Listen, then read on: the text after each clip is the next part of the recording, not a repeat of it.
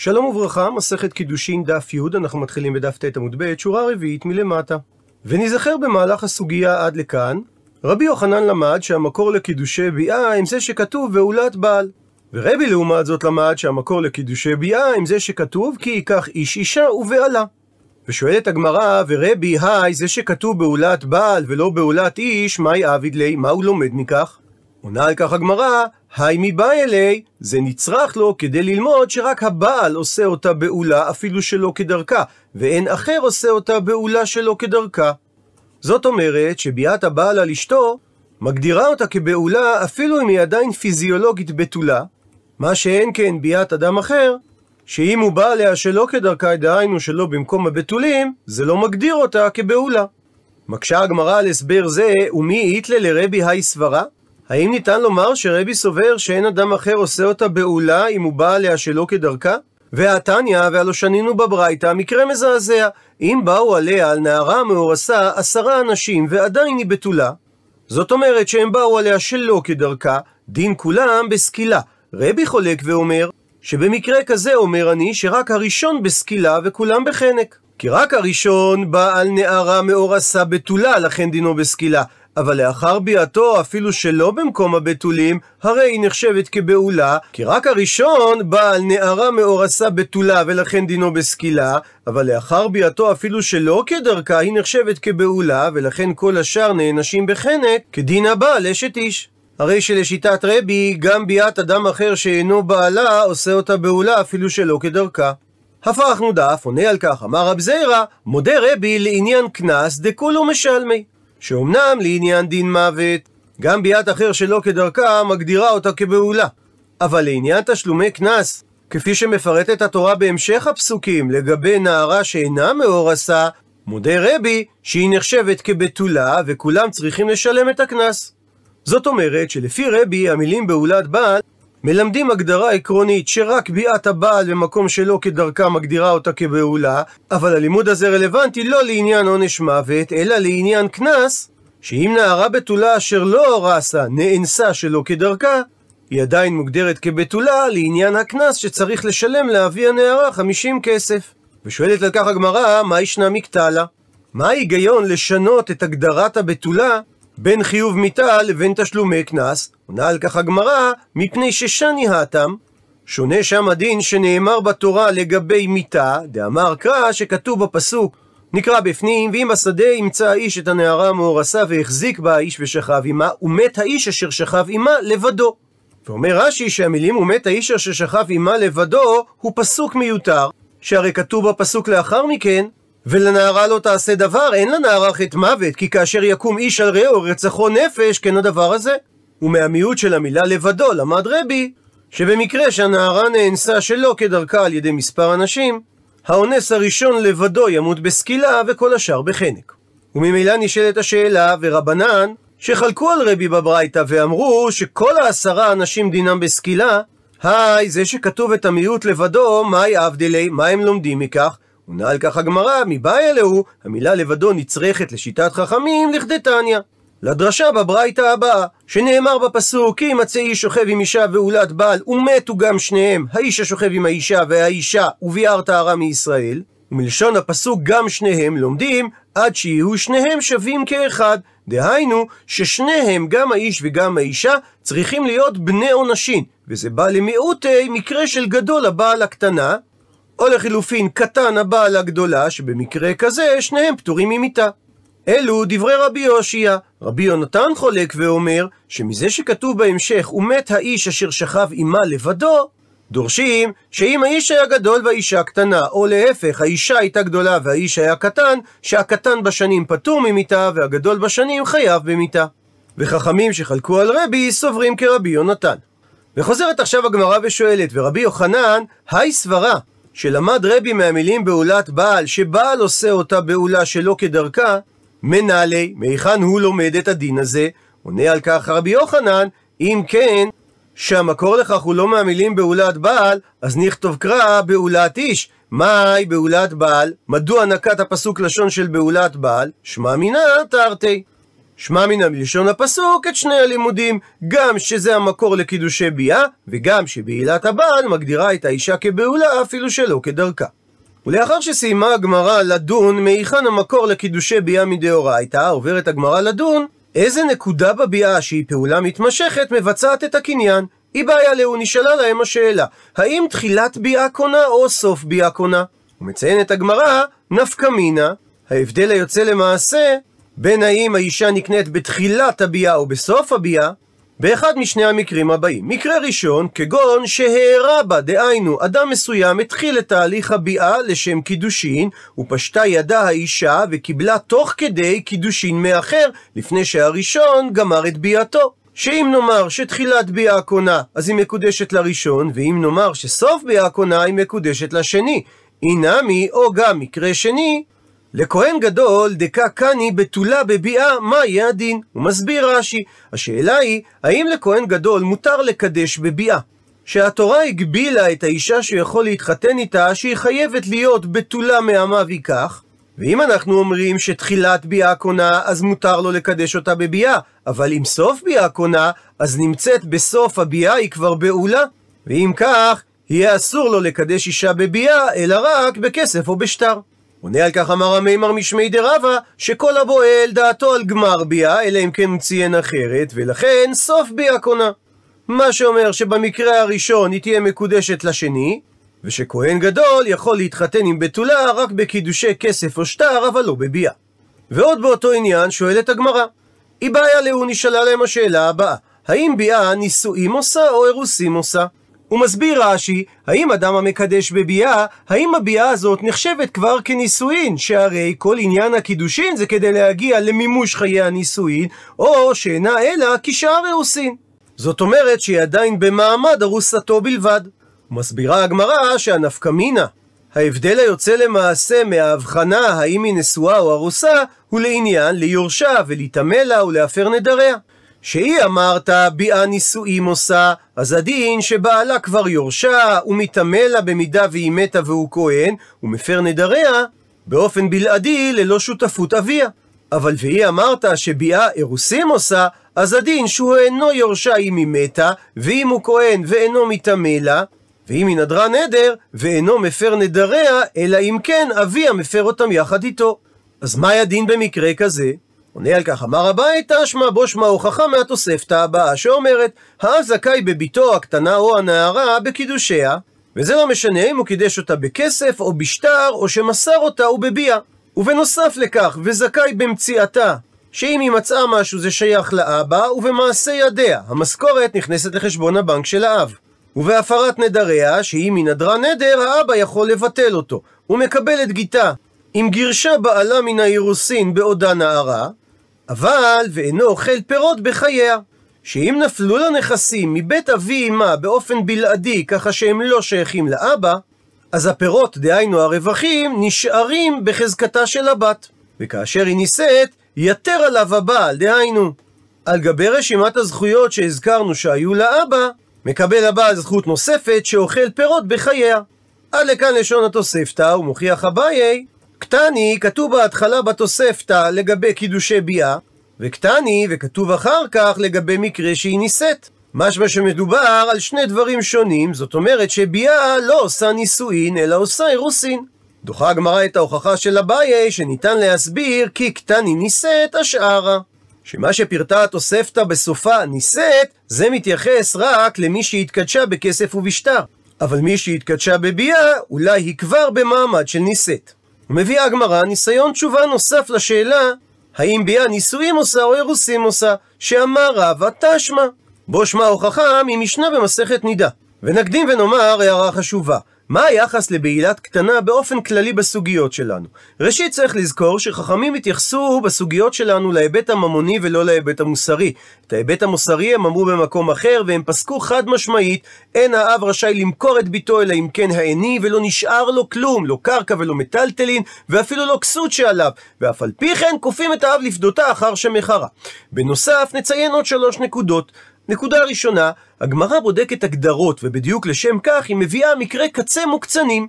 הנקודה השנייה, גם כשיש מציאות לא אידיאלית בלשון המעטה, צריך להכיר בה ולהתייחס אליה ולא להתעלם ממנה.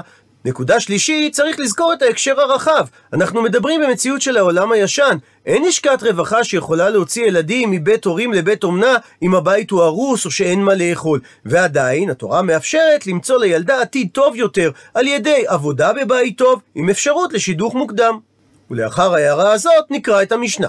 בת שלוש שנים ויום אחד מתקדשת בביאה, כמובן מדעת האב, אבל בגיל פחות משלוש שנים ויום אחד, זה נחשב כנותן אצבע בעין, כמו שהאצבע לא משפיעה על העין, כך אין שום משמעות של ביאה לדבר, ובגיל כזה האבא גם לא יכול לקדש אותה על ידי שטר או כסף.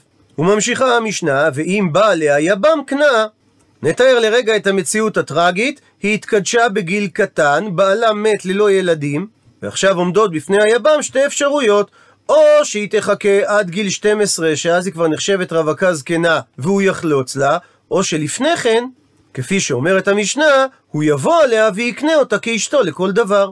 ואז אם הוא רוצה, הוא יכול להוציאה בגט. וממשיכה המשנה, שאם קיבל אביה קידושין, אז חייבים עליה משום אשת איש, ומטמא את בועלה, דהיינו, אם היא פרסה נידה, אמרה התורה שהבועל אותה, ותהי נידתה עליו, הפכנו דף לטמא משכב תחתון כעליון.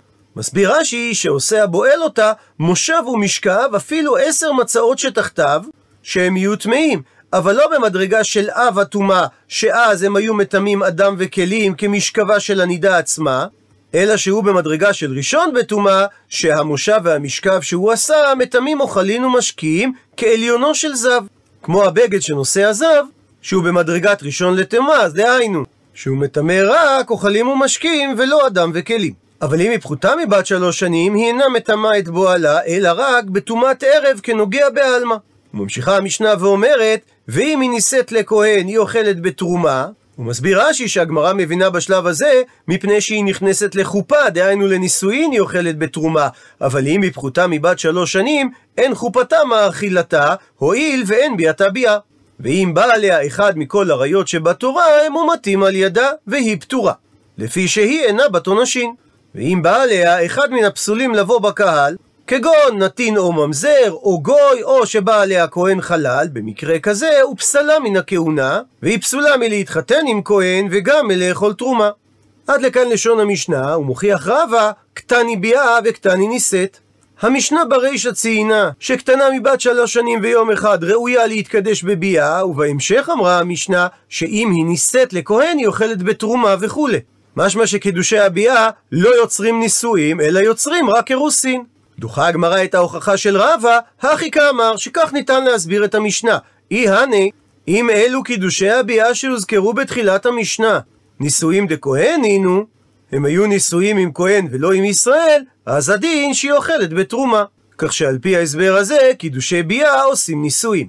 ומביאה הגמרא ניסיון נוסף לענות על השאלה האם קידושי ביאה עושים נישואים או עושים אירוסין, תשמע בו שמע הוכחה, בלשון הספרי בפרשת קורח, וכבר שלח יוחנן בן בגבג אצל רבי יהודה בן ביתר על אינציבין, שנמצאת בדרום מזרח אנטוליה שבדרום מזרח טורקיה, האם נכון מה ששמעתי עליך שאתה אומר ארוסה בת ישראל שהתארסה עם כהן שהיא אוכלת בתרומה מדאורייתא? שלח לו חזרה רבי יהודה בן בטרה, ואתה, אי אתה אומר כן? הרי מוחזקני בך שאתה בקיא בחדרי תורה, לדרוש בקל וחומר. אז אי אתה יודע לדרוש את הקל וחומר הבא? ומה השפחה כנענית שאין ביאתה מאכילתה בתרומה? זאת אומרת שאם בא עליה האדון שלה שהוא כהן והוא לא קנה אותה בכסף, הדין שאינה אוכלת בתרומה, מפני שהתורה אמרה קניין כספו, והוא לא קונה אותה על ידי הביאה. וקידושין לא תופסים בשפחה כנענית שתהא מקודשת לו בביאתה, שהרי היא כחמור. שהרי דרשו חכמים על ישמעאל ואליעזר שמחכים לאברהם ויצחק, שבו לכם פה עם החמור, עם הדומה לחמור. אבל כספה מאכילתה בתרומה, שאם האדון הכהן קנה אותה בכסף, זה מקיים את לשון התורה, קניין כספו הוא יאכל בו, ולכן היא זכאית לאכול בתרומה. אז זו יהודייה כשרה שביאתה בשלב האירוסין מאכילתה בתרומה, ומכאן ההוכחה לענייננו שביאה עושה נישואין, אז אינו דין, האם זה לא קל וחומר שכספה, שכסף הקידושים שלה גם הוא מאכילתה בתרומה? אבל אומר רבי יהודה בן בטרה שזה רק מדין תורה, שהרי מה אעשה שהרי אמרו חכמים אין ארוסה בת ישראל אוכלת בתרומה עד שתיכנס לחופה. כפי שתסביר הגמרא בהמשך. עד לכאן לשון הספרי, ומבאר את הגמרא איך היא דמי. על איזה מציאות אמר רבי יהודה בן בטרה שביאה של אשת כהן מאכילתה בתרומה, ולכן נלמד בקל וחומר שגם כספה מאכיל אותה בתרומה. אם מדובר בביאה שעל ידי חופה, דהיינו שהיא מבוצעת במקביל יחד עם חופה, וכסף שעל ידי חופה, הרי בתרווי הוא בשני המקרים הללו הדין שהיא מי חלחלה בתרומה, ואם כך אין משמעות למה שאמר רבי יהודה בן בטרה, אבל מה אעשה? ואלא תאמר שמדובר בביאה שעל ידי, דהיינו שמבוצעת יחד עם חופה, אבל וכסף שלא על ידי חופה? אז אם כך, כיצד ניתן לומר את הקל וחומר? שהרי הכא תרתי והכא חדא. בביאה מדובר על שני מעשים, גם הביאה וגם החופה, ובכסף מדובר רק על דבר אחד, שזה נתינת הכסף. אז לא ניתן ללמוד בקל וחומר את הכסף מהביאה. אלא לאו, בהכרח צריך להסביר שמדובר בביאה שלא על ידי חופה, וכסף שלא על ידי חופה.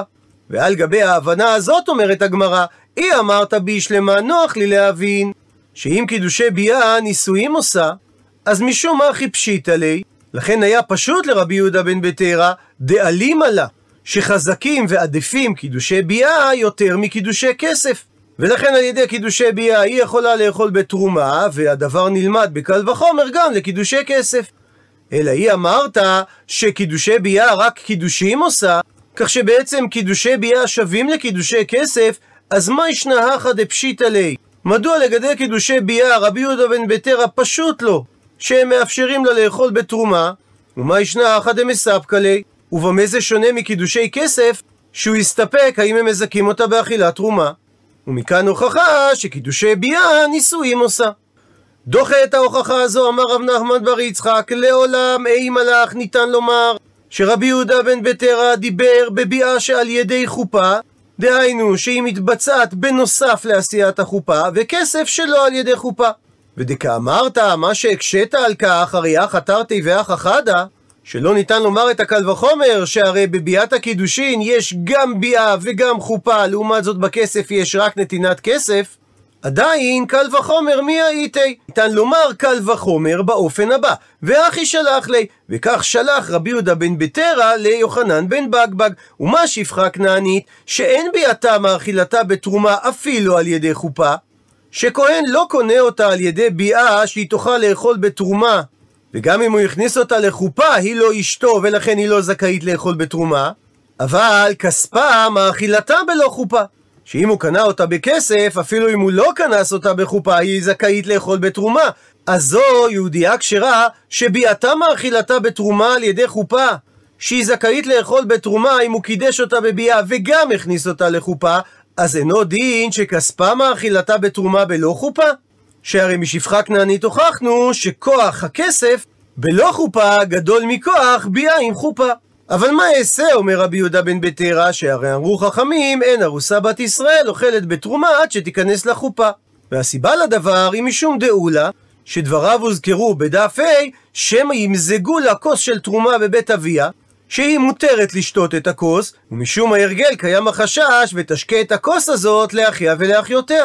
ועל פי הפירוש הזה של רב נחמן בר יצחק, אין ראיה שקידושי ביאה נישואים עושה. וממשיכה הגמרא ומבארת, ובן בגבג שחלק על רבי יהודה בן בטרה, הסיבה שהוא לא אמר את הקל וחומר הזה, מפני שגבי שפחה כנענית לא שיער בקניינה. מסביר רש"י שאחר שנתן האדון כסף בעבורה, אין הקניין חסר כלום, היא שפחתו לכל דבר ועניין. ולכן קניין הכסף הגמור מתיר לה לאכול בתרומה, מה שאין כן האחה, אישה שכהן קידש אותה בכסף, הרי הוא שיער בקניינה. שהרי היא עדיין חסרה מסירה לחופה, לעניין ליורשה ולהיטמא לה. כך שקידושי הכסף לא יצרו קניין גמור, ולכן סבר יוחנן בן בגבג שהיא לא יכולה לאכול בתרומה.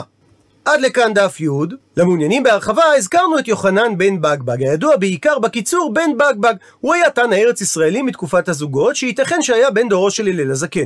הוא מוזכר רק פעמים מועטות, וידוע בעיקר בזכות אמרתו במסכת אבות, בן בגבג אומר, הפוך בה והפוך בה דכולה בה. ובה תחזי, וסיב ובלה בה, ומינה לא תזוהה שאין לך מידה טובה אמנה. על פי התוספות היו בן בגבג וחברו בן ה' גרים, והדבר נרמז בכינוים. כמו שהוסיפו לאברהם ושרה את האות ה' לפי המדרש, כך הכינוי שלהם היה בן ה' ה', כאשר בג זה בעצם בגימטריה ה'. רבי שמואל דיו זידה, שהיה ראש ישיבה מקובל ומחבר ספרים שחי בצפת, מתלמידיו הראשונים של הארי וחברו של הרמ"ק, רבי משה קורדברו, מסביר שכינויים אלו נועדו להסתירה מפני השלטון הרומי, שרדף אחרי גרים. בנימין זאב בכר מעלה השערה, לפי הבן בגבג הוא בעצם הגר שגייר הלל הזקן לאחר שהוכיח לו שאפילו ללמוד את אותיות האלף-בית אי אפשר ללא מסורת. רבי אברהם בן שמואל זקוט, שהיה אסטרונום והיסטוריון יהודי שזכה להכרה עולמית בזכות ידיעותיו העמוקות בתחום הוא חי את רוב חייו בספרד ופורטוגל, ובימי זקנותו הוא עלה לארץ ישראל. הוא חיבר את ספר היוחסין, והוא היה בין היהודים המעטים שנמלטו מפורטוגל ללא שהמירו את דתם. הוא העיד על עצמו שעיסוקו באסטרונומיה היה אך ורק לשם ידיעת התורה, ושבזכות פרסומו הביא כבוד לעמו. ואכן, כריסטופר קולומבוס התייעץ איתו והשתמש בלוחות האסטרונומיים שלו לפני ובמהלך מסעותיו לעולם החדש. הוא סבר שבן בג בג ובן הא הא הם בעצם אותו אדם.